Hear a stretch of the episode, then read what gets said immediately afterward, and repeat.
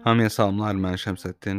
Bugünkü podkast epizodunda fərqli-fərqli suallar soruşub ona cavab axtarmağa çalışacağıq. Birlikdə cavab axtarmağa çalışsaq çox daha maraqlı bir epizod olar. Bunun üçün ə, təbii ki, yardım alıram. Yardım aldığım qurumun adı Google-dur.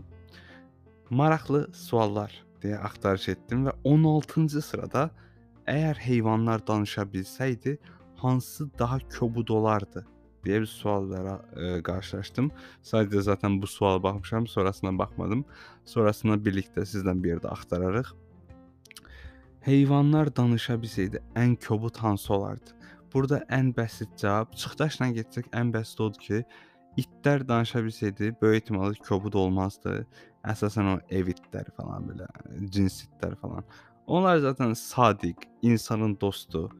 Nə bizi görməyəndə 6 ay gəlirlər ayağımıza falan ə, ayağımıza qu qucaqlayırlar. Hə, ayağımızı qucaqlayırlar. Nəysə. Düzü mənim elə bir şeyim olmayıb, amma yenə də videolardan gördüyümüz qədərilə. Burada çox qəribə bir cavab çıxa bilər. Pişiklər.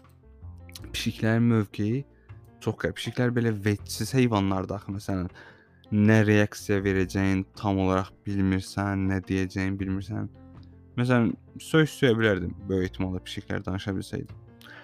Ə, donuz, donuzdan bəhs eləməyək. Mübarək Ramazan ayıdır. Aklıma heyvan deyəndə niyə üçüncü olaraq donuz gəldi, onu bilmirəm. Ə, dördüncü aklıma gələn heyvandan bəhs edirəm. Dovşan.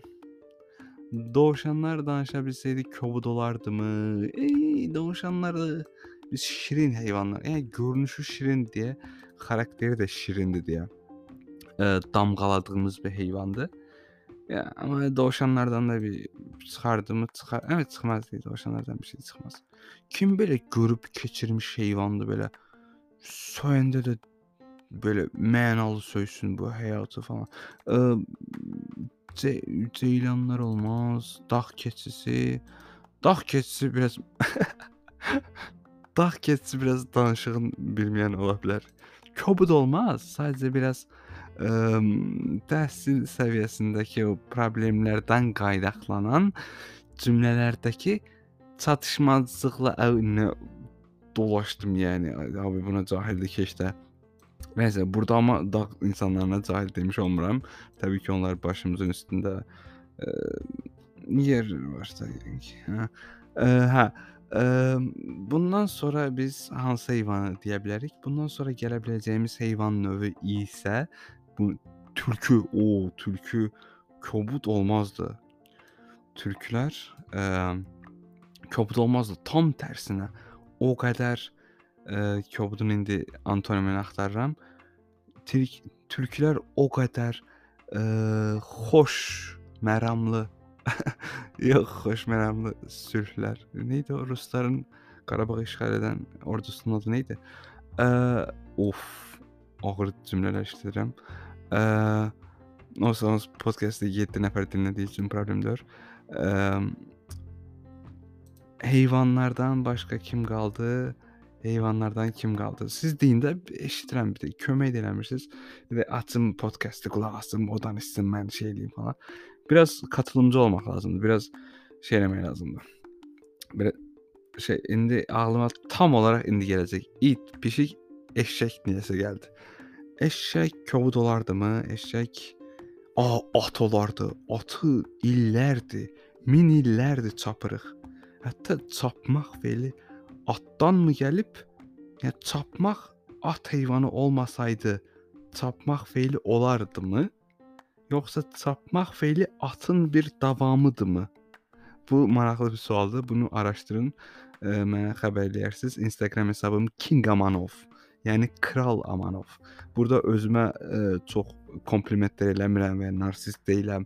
Bunun əsas səbəbi mənim ən sevdiyim basketbol oyunçusunun LeBron James olmasıdır və LeBron Jamesin də ə, Instagram hesabı King Jamesdir. Ə, heyvan deyəndə eşşəkdən ata keçdik. Atdan keçə biləcəyimiz ən yaxın heyvan isə ə, qartaldır. Qartal. Qartal danışa bilsəydi bizdən danışmazdı ki. Zaten qartal danışa bilsəydi də danışmazdı. Bir adam uçursa bunun üstünə bir şey yoxdur yəni. Biz indi belə şey dedik, insan olaraq özümüzü üstün tutduğumuz üçün, yəni danışa bildiyimiz üçün, çünki əslində bütün heyvanlar danışa bilir öz e, levellərinə uyğun olaraq.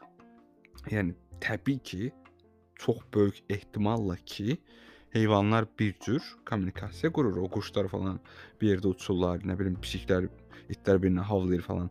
Onlar çox böyük ehtimalla bir-birlərini başa düşürlər, amma e, biz bu sualda anladığım qədərilə insan kommunikasiyasından bəhs edirik. Yəni şüurlu olaraq danışdığımızı bilmək və özümüzü dəqiq ifadə eləmək falan mənim eləyə bilmədiyim şeylər, yəni. Ə, ə, burada məsələn qartallar o cəhətdən deyirəm ki, yəni uçmaq, uçmaq necə bir şeydir? Ha? Uçursan, yəni bunun bir üstü yoxdur. Ə, hansı heyvan danışa bilsəydi ən kobud olardı sualının yekun cavabı pişiklərdir. Pişiklər çünki kobud olardı. Yəni çünki pişiklər zaten kobud heyvanlardır. Ə, yemək verirsən heç üzünə baxmır. 3 ay sonra evi tərk elədikdən 3 ay sonra evə gəlirsən heç elə bil ki, sənin yoxluğunu hiss eləməyib və s. İndi isə keçək yavaş-yavaş növbəti suala. Hətta yavaş-yavaş, elə yavaş-yavaş keçmək istəyirəm ki, çünki bir yandan da sualları oxuyuram və tərcümə etməyə çalışıram. Çünki mən bəli, e, Latin dilindən tərcümə zarafat edirəm. Okay, ingilis dilidir, Latin dilini bilmirəm.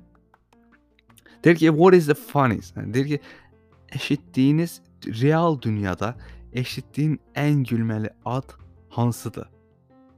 Ən gülməli ad hansıdır eşitdiyim? Hmm, Amerikalarda dik var. Yəni bildiyimiz cinsi orqan olan dik e, onlarda addır. Yəni Azərbaycancasını düşünə bilmirəm. Yəni Azərbaycanda düşünün, yəni həmin cinsi orqanın adı hansısa bir şəxsin adıdır və bu çox geniş yayılmış bir addır. Məsələn deyir Mr. Dick. How are you Mr. Dick? Ə, yəni bu ağlıma gəlir. Azərbaycan dilində nə ola bilər? Azərbaycandakı adları ə, Azərbaycandakı adların adı çoxları ərəb mənşəli olduğu üçün təəssüf ki, heç türk mənşəli adımız olmadığı üçün ə, bu mövzuya rəy bildirməkdən qaçıram və öz can sağlığımı qarantiya altına almaq üçün gülməli adları saymayacağam, amma ə, sonunda nəysə bunu da deyim. Öz adımın sonuna bənzər adlar. İndi mənim adımı merak edin durun və yaxud Google-a yazın adımı, adımı Google-a sıx-sıx yazın ki, mən biraz məşhur olum. Ə, adımı da gör, mənim adımı görsən Google-a yazan olub dünyada. Son 23 ildir yaşayıram. Bu 23 ildə dünyada bir şey etmişəmsə, adımı Google-a yazıblarsa, mən özümdən fəxr edirəm. İndi deyir ki, deyir, çox dəli bir elm adamısınız hansı elmi eksperimenti apararsız ki, apararsız. Əgər pul və əxlaq bir problem olmasaydı, yəni pul limitin yoxdur, nə qədər istəsən pulun var və əxlaq da problem deyil ki, bildiyiniz kimi siz çox dəyərli izləyicilər, bilirəm ki, çox ə, elmə ə, hakim, hakimin Azərbaycan sənədi bilmədim. Elmə elmdən xəbərdar insanlarsınız. Bilirsiniz ki, elmdə əxlaq çox qəribə bir mövzudur. Yəni məndən soruşsaz ki, çox adamdan soruşsa zaten bəsit bir şeydir. Öz çıxarımım deyil, amma əxlaq təbii ki, möhtəşəm, çox dəyərli, bizi insan edən şeylərdən və s. biridir, amma elmi çox geri tutduğunun da yəni yatsınamaz bir faktdır. Bu cümləni qəşəng qurdum ha özümdən o qədər az gözləntim var ki, yaxşı cümlələr quranda sevinirəm. Yəni qısaca demək istəyirəm ki, əgər bu gün xərçəngin, yəni kanserin bir e, müalicəsi yoxdursa, bunun səbəblərindən elə məhz biri də ə, əxlaqımızın, hətta elmdə olan əxlaqın, araşdırma əxlaqının çox yuxarı olmasıdır. Mən bu e, belə olmasın demirəm. Təbii ki. Amma yəni düşündüyümüzdə belə bir problemə gəlib çıxırıq. E, trolley problemi var məsələn, bilirsiniz. Bir dənə tram şeydə oturursunuz, qatarda oturursunuz. Həmin qatarı döndərmə e, rolu sizdədir.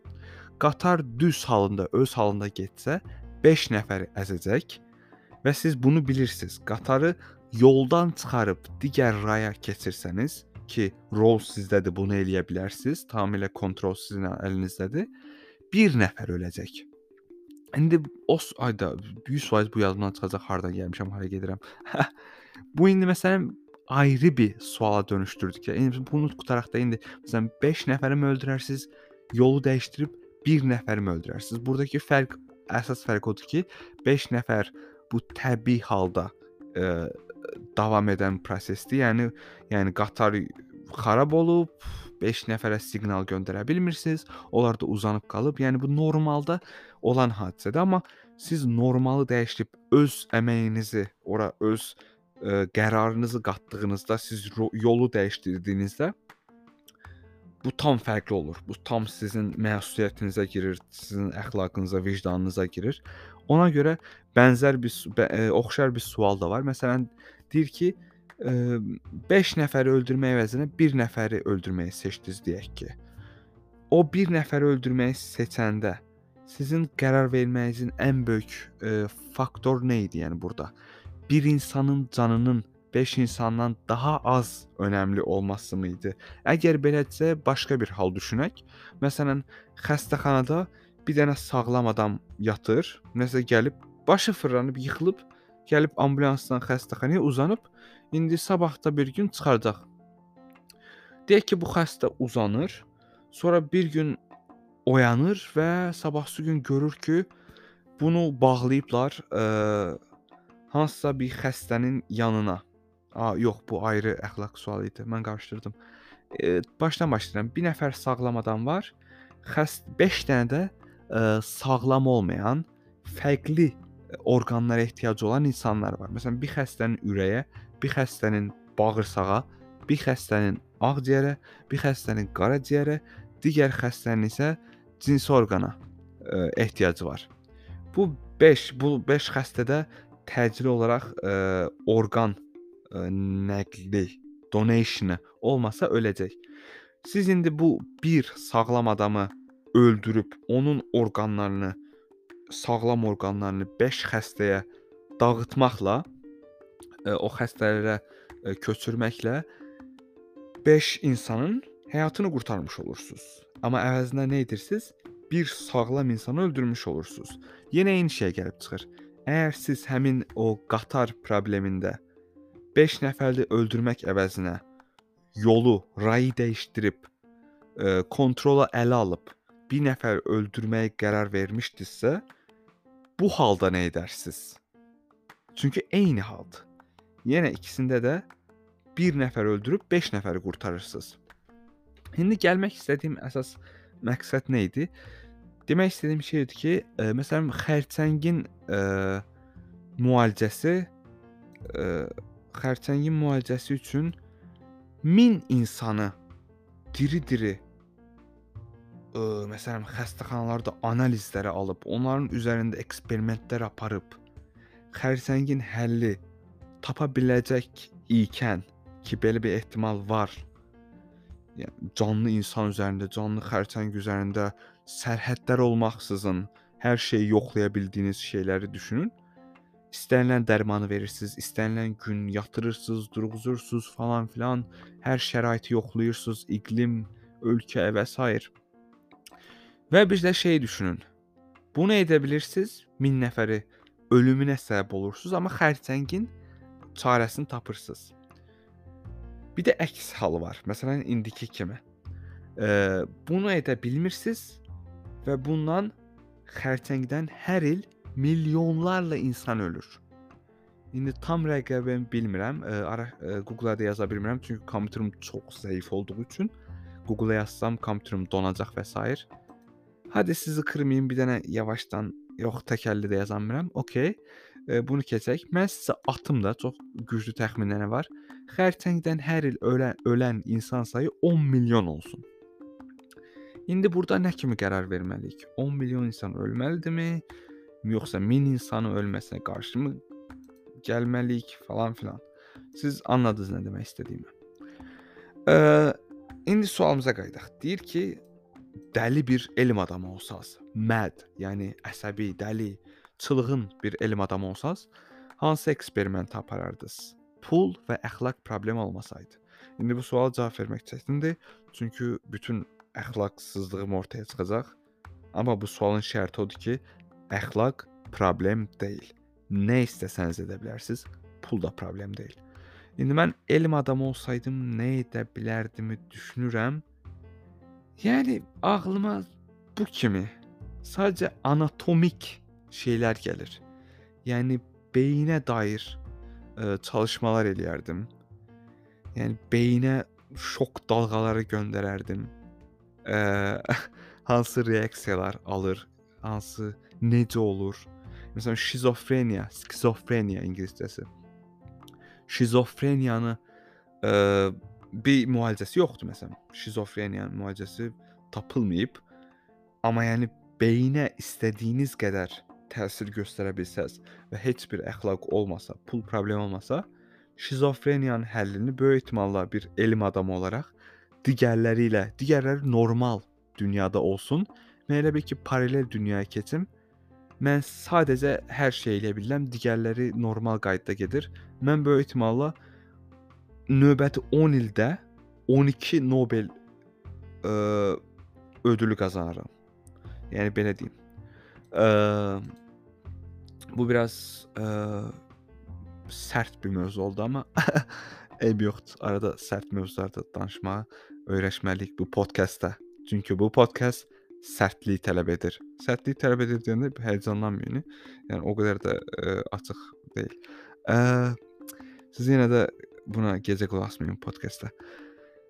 Deyir ki, deyir ki, əgər başına bir silah tutulsaydı və sənə deyilsəydi ki,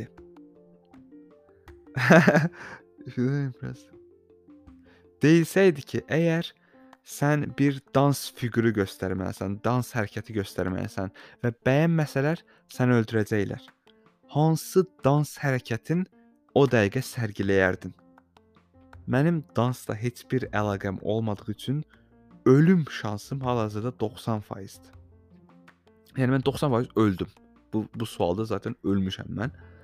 Amma nə yoxlayardım desəniz, indi beynimə, başıma silah dayayan adamın məndən istədiklərinə də baxmaq lazımdır. Yəni məndən nə gözləyir, nə tələb eləyir, onu necə ə, onun arzularını necə ə, yerinə yetirə bilərəm falan ə, onları nəzərə alaram.